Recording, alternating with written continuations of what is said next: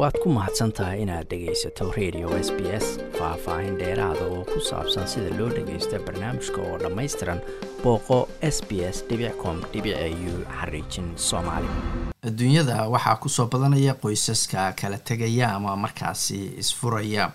Haddaba waxaanu barnaamijkan ku eegeynaa markii waalidku ay kala tagaan waajibaadka saaran waalidka kala tegay oo ka saaran carruurta gaar ahaan aabbaha haddii markaasi hooyada carruurta ay ku haraan.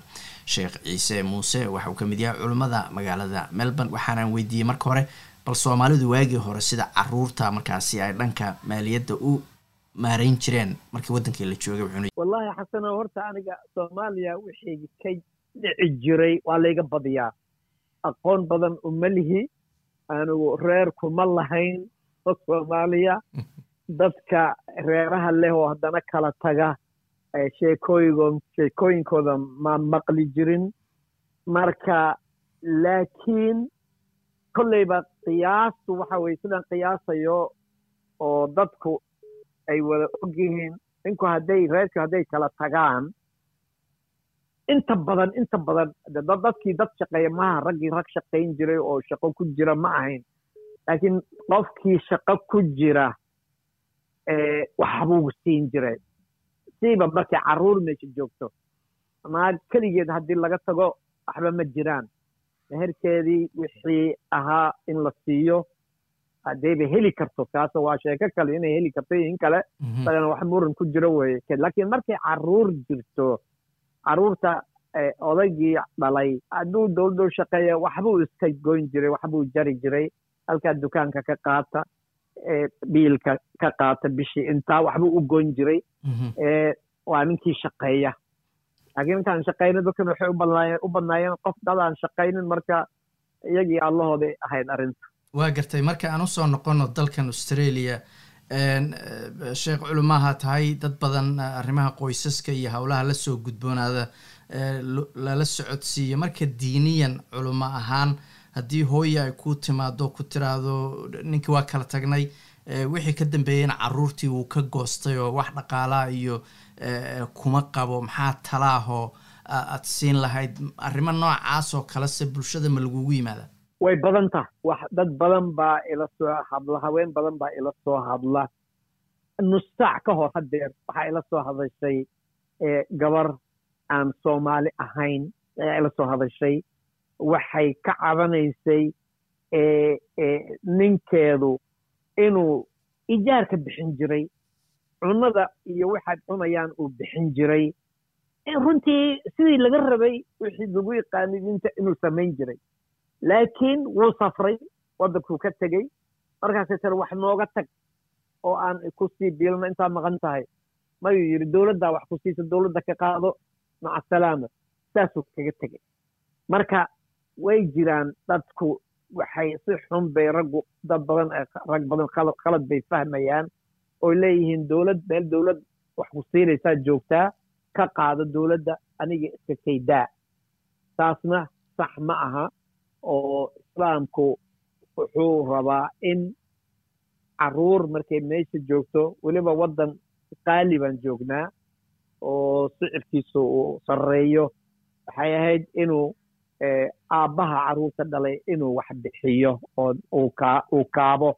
Ayay ahayd dowladda waxay siinaysaa siiso laakiin inuu isaguna kaabo meesha waa ku jirtaa asbaabta waajibka waaba waxyaabaha nafaqada waajibka ku ah weeye odaga carruurta dhalay. Waa gartay marka dowladdu dabcan ilmaha haddii aabuhu lacagan siin lacaga cayray waxba la qaataa marka dhanka dowladda hay'adda canshuuraha oo a t o da la yiraahdo iyadu xaqiijisa qof walba dakhliga soo gala dalka iyo hay'addii centerlink la dhihi jiray laakiin hadda service australia loo bedelay baa arrimahaas ka shaqaysa. Laakiin mararka qaarkood ma dhacdaa ama ma laga yaabaa in aabbayaal ama waalidiin qaarkood ay arrimahaasba ay ka qarsoon tahay oo aysan ka warqabin in haddii reerka ay kala tageen lala xisaabtamayo dakhligooda la rabo mar walba in la ogaado. Runtii anigu ilaa hadda ma hayo ima soo gaarin oday carruur loo dhalay oo xaaskii ay kala tageen. Haddana siiya child support iyadoona u baahan oonan centerlinki hadday aadida waxay leedahay single mother aan ahay waa layga tegey. Hadday ogaadaan inuu odagii carruurta dhalay uu wax bixiyo iyaday wax ka googsanayaan oo wax ka jaranayaan laakiin intaan anigu qisooyinka aan maqmaqlayo raggu waxay bixiyaan nin baa shaqeeyo laga yaabo sannadkii inay soo gasho soddon kun soddon kun afartan kun inay soo gasho wuxuu sheeganayaa inay lacag u haysanin oo maxduudu dakhli kuwa dadka la yidhaahdo low income inuu yahay maa taha waa kana taxationkeygii waa kana waxba ma haysto kana. Waxaa laga qaadayaa maxaan ku rahdaa wiigii toban dollar. Cunugiiba toban dollar toban dollar toban dollar soddon dollar bishii oo dhan laga qaadaya. Nin baan maalin dhowid waraystay oo naagtii ay kala tageen. Wuxuu yidhi wuxuu yidhi laba boqol iyo konton ayaan bishii siiyaa waa dadka ugu roonan u arkay inuu yahay laba boqol iyo konton inkastoo ay waxba ahayn. Sababtoo ah waxbixinta cunno keliya ma aha. Carruurta waxay cunaan maaha islaamka wuxuu wuxuu qorayaa kutubta waxaa ku qoran cunnadooda waa inuu qabaa. Dharka ay xiranayaan oo marba ay u baahan yihiin oo haddii iskuol looga baahdo iyo hadday ciid tahay iyo uu bixiyo daawadooda inuu bixiyo wixii daawo ah. Halkan waxaa taalla medicare baa yaalla oo hawshaas ka awday raggii. Laakiin waxaa ka mid a xataa ku jirta carruurta tacliimtooda buwaagta ay dhiganayaan inuu gado. Uu yidhahdo lacagtan intaasaan u bixiyey. Intaas ayaan u bixiyey. Maxaan ku idhaahdaa hadday tutoring leeyihiin oo macallimiin ay loo dhigaayo intaasaan ku bixiyey. Odaygii dhalaa laga rabaa waxaasoo dhan. Ijaarka ijaarka qof hadda wada bixin kar ma jiro laakiin ijaarka laftigiisu waajib weeye inuu yidhaahdo gabadhii uu ka tegey inuu yidhaahdo please bar ila bixi ana barka kale aan bixiyo waa ma fiicno taasteedu ma fiicno xagga weye aan aniwan bixiyo adna intaa bix. Laakiin inuu totally uu ka tago yidhahdo waxba bixin maayo oo iyadii wixii dhan dhawarka u ridato waa khaldaadka jiray ka mid taha waa gartay marka sheekh ciisow inta badan arrimahaas ma waxaa keenaya dabcan. Waxaan is leeyahay ma jiro dee aabbo raba ilmihiisii inay ama dhibaatoobaan ama ama ama gaajoodaan ama dhaqaale xumo baanu ay ku dhacdo. Marka ma waxaa keenaysaad is leedahay ama ma laga yaabaa inay dhacdayn markii la kala tegay ama hooyadii aabbuu kala tageen in dagaal iyo dhibaato lagu kala tegay oo ay ka tahay canaad uu hooyada ku xumaynayo ama ku canaadayo. Mise aragtida aad sheegtay baa jirto ah dowladdaa mar walba biilayso aniga wax mas'uuliyada ima saarno maxaa iga galay? Ma labadaasaa ugu badan waxa aabbayaasha inta badan ay laga yaabo inay ka gaabiyaan inay caruurahooda biilkooda bixiyaan. Waxaan filayaa runtii midda ah in uu dareemayo meeshaan dowlad inay joogto oo dadka ay wax siinayso inay wax u tuurtuurto isagoo ogsoon. Ayuu waxba siinaynin gabadhii ay kala tageen waxba u oggolayn dhinaca waxay ka tahay inuu ku dhibo oo iyada carruurta keligeed ay xaggii xagga u waddo oo waxba u tari kari weydo oo la dareemo inuu maqan yahay odagii carruurtan dhalay. Taas waa dhinac oo canaad iyo iyo cadaabid ayay ka tahay. Dhinaca kalena saan kuu sheegay wuxuu xoogaa aabba weeye carruuruu dhalay. Haddii aan dowlad meeshan ka jirin oo waa jirtaa laakiin aan waxba la bixin oo la yidhahdo ninkii carruur dhalay keligii ayaa la walwaalaya wixii uu dhalay. Ha bixiyo caafimaadkooda noloshooda iyo kulli iyo waxaan u malaynayaa furiin badan ma dhaceen sababtoo haddii uu furo haddana wixii laga doonayo way ku adkaan lahayd. Marka aan wada joogno dhibkayga aan qabe aan wada joogna ay sheekadu noqon lahayd. Marka arrimahaasoo dhan ayaa mishafiir islaamka xataa wuxuu qabaa haddii carruurta mar dhow u dhashay waa laba bilooduu jiraa ashan biluu jiraa sanad buu jiraa way nuujinaysaa inuu siiyo waxa loo yidhaahdo xabaana xadaana ayaa la yidhaahdaa qiimo inuu ku siiyo waayo xadaanada. Ay hayso cunugan intuu naaska goynaayo oo wax ka cuni karo. Cunadii cunadiina saasay hadha u soconaysaa nafaqadii iyo bixintii wax ku bixina masruufkii saasuu ku wadaya. Islaamku halkaas ayuu dhigay reerka haddii la kala tago oo oo oo wanaag ah. Wanaagii kii ugu sarreeyey ah ayuu meesha islaamku uu siiyey. Qof walbana waxaa loo fiirinayaa see loo see loo jaangoynayaa waxyaabaha qofkan laga rabo. Ilaahay subxaana watacaala aayad uu ku sheegay suuratu talaaq wuxuu ku leeyahay liyunfiq duu sacatin min sacati ninkii ladan oo wax fiican uu ka go'i karo ha bixiyo waxa uu bixin karo.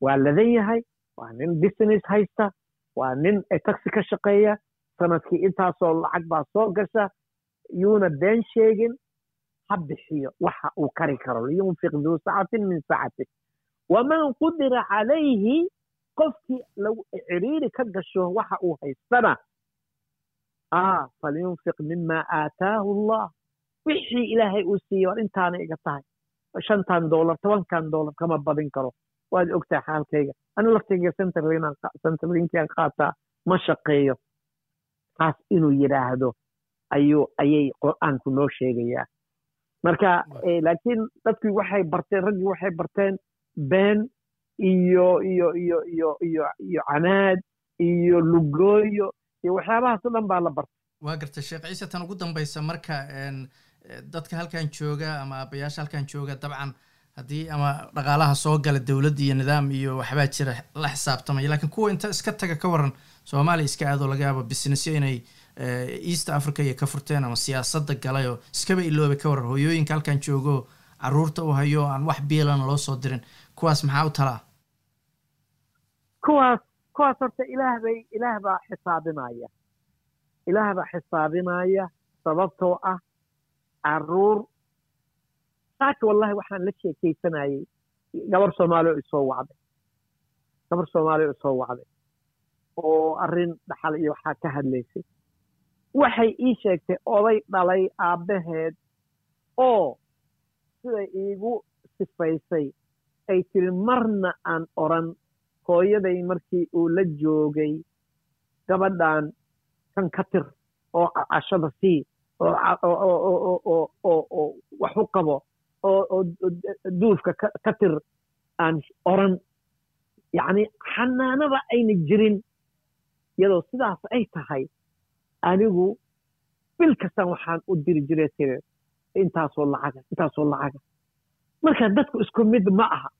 Marka ragga intay aadeen africa aaday oo bisniso yeeshay inaynan ilaahay ku shukrin oo shukriga waxaa ka mid ah fa binicmati rabbika faxadis nicmadii ilaahay uu ku siiyey wax ka sheeg oo ka hadal oo warkeeda bixi warkeeda waxaa ugu horreeya inuu caruurtii u dhalay iyo iyo iyo qoftii u dhashay hooyada u ahayd inuu idhaahdo intaasaan idin sii soo dhaqaata intaas dadka lacagtaas la baxa.